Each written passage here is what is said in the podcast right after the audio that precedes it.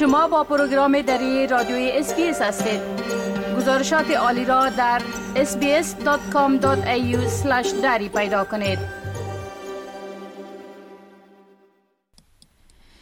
شنوندگان محترم و حالا همکار ما آقای جاوید رستاپور را با خود داریم از طریق تلفن ایشان در مورد تازه ترین تحولات در افغانستان گزارش میتن آقای جاوید رستاپور سلام خدمتتان. خوب در آغاز می‌خوایم بپرسم که گزارشات روی دست است که طالبا یک رادیوی محلی را در ولایت بدخشان که کارمندارش خانم ها بود نشراتش متوقف ساختند. در این مورد اگر بر شنانده های ما کم گزارش بتین با سلام وقت شما بخیر. بله همان گونه که شما اشاره کردین رئیس اطلاعات فرهنگ حکومت طالبان در ولایت بدخشان در شمال افغانستان گفته که دلیل بستشتن رادیو صدای بانوان که تنها برای بانوان یا خانمان نشرات داشت و تمام کارمندان این رادیو هم خانما بودند تخطی مقرر از قوانین و پالیسی های حکومت طالبان است. اما مسئولان این رادیو می‌گویند که حکومت طالبان به دلیل اینکه سعون یا تنها در ماه مبارک که رمضان یک در پایان یک نعت برای چند ثانیه موزیک نشر شده یعنی از, از رادیو. و این هم از طرف بخش تخنیک رادیو به صورت سهواً نشر شده که نعت عربی بوده و در پایان نعت موزیک بوده. مسئولان طالبان ما گفتن که این رادیو برای چندین بار موزیک نشر کرده یعنی موسیقی نشر کرده. ولی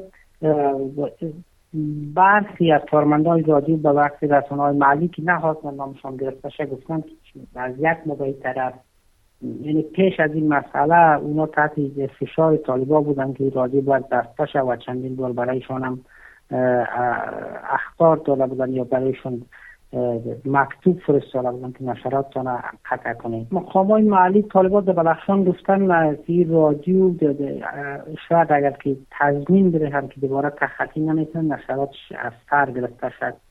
ولی دفتر نه یا نهاد رسانه های آزاد افغانستان تحقیق کرده با نشر اعلامیه که با بسته شدن این رسانه تقریبا ده کارمند رسانه‌ای که همشان خانما بودن در بلخان یا بیکار شدن و بی سرنوشت شدن و همچنین این رادیو بخشی از فعالیتایش در طیب ماهای آخر پس از اینکه دروازه های مکاتب برای دختران دروازه های دانشگاه ها یا پانتونا برای دختران محسوب شد. برخی از نشراتش نشرات یا آموزشی بوده برای دختران. این مسئله به نظر می رسد که سبب اساسیت در برابر طالبان شده و موضوع نشر چند ثانیه موسیقی را با نگرفته و دروازه رازی را بستند.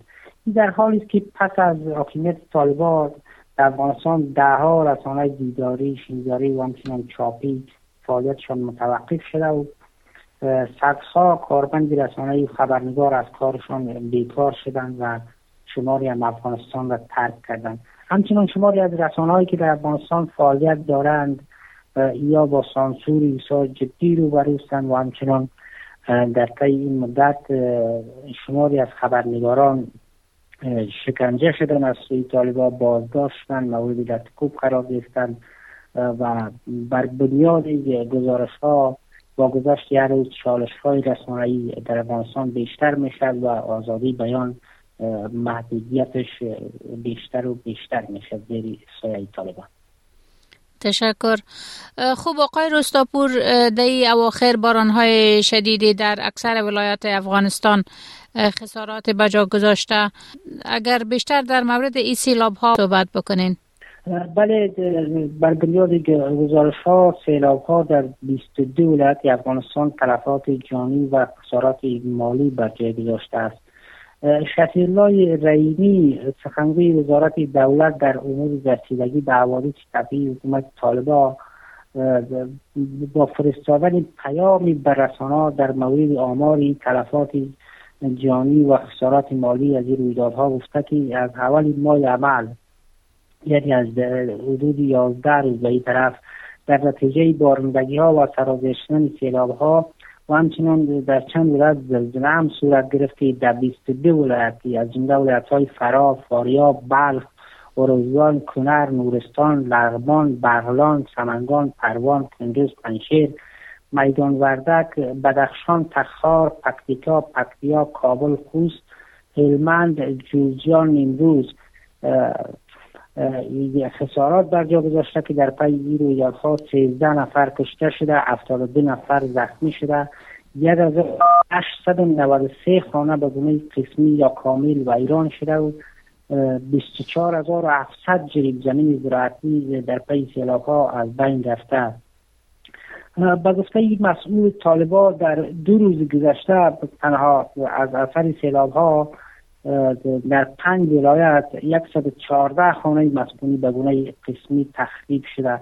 گفتنی است که در پی روزهای آینده هم اداره واشناسی گفته که باران شدید خواهد بارید و همچنان به مردم هشدار داده که در جاهایی که احتمال آمدن سیل وجود داره باید این منطقه را ترک کنند. وضعیت افغانستان از نظر اقتصادی بسیار بد است و این سیلاب ها و این حوادث طبعی هم فقر را دامنش گسترده تر ساخت و درها خانواده را بیخانه ساخت و نادای مدد رسان هم به خاطر تعلیق کار زنان که فعالیت هایشان را محدود ساختن و گزارش ها از آن است که این موضوع یعنی آماری فقر و نداشتن نان را در افغانستان بیشتر ساخته که تعداد دیگه هم دسترخانشان از نان خالی شده است. بله تشکر. خوب اخبار روی دست است که گفته شده معاون رئیس الوزرای طالبان در یک دیدار با نماینده خاص سازمان ملل متحد از انتخابات یاد کرده. در این مورد چی معلومات بیشتر به شنونده های ما داده می‌تونین؟ بله عبدالکبیر معاون سیاسی رئیس الوزرای طالبان در دیدار با نماینده ویژه دبیرکلی سازمان ملل برای افغانستان گفته که این گروه معتقد به نظام انتخاباتی است این خبر خبرگزاری باختر که تحت کنترل طالبان نشرات داره آژانس خبری باختر گزارش داده و گفته که در این دیدار این مقام طالبان خواهان برگزاری انتخابات به اساس تخصص شده است. خبرگزاری باختر جزیات بیشتر در این مورد نداده. تنها گفته که و از یونما این جزیات تا کنون نداده چون یونما بیشتر مسئول برگزاری انتخابات ها در افغانستان بوده این نمایندگی سازمان ملل. ولی این نخستین بار است که یک مقام طالبا از برگزاری انتخابات صحبت می‌کرد چون طالبان از رای جنگ حکومت را به دست گرفتن و تاکیدشان تا کنون ای بود که نظام از وار شریعت تشکیل میده و برگزاری انتخابات نظام دموکراسی است و دموکراسی نظام کفری است. ولی این خصین بار است که طالبان از برگزاری انتخابات صحبت می‌کنن و این مسئله و این اظهارات و بسیار چند پهلوی در شبکه اجتماعی داشت. شماری به این باور هستند که طالبان همان گونه که در یک سال گذشته وعده سپردن که دروازه های مکاتب و دانشگاه را برای دخترها باز می‌کنند و کار زنان که به زنان که به تعلیق افتار دوباره از سر می‌گیرند ولی تا کنون راهکاری در باره ندارند.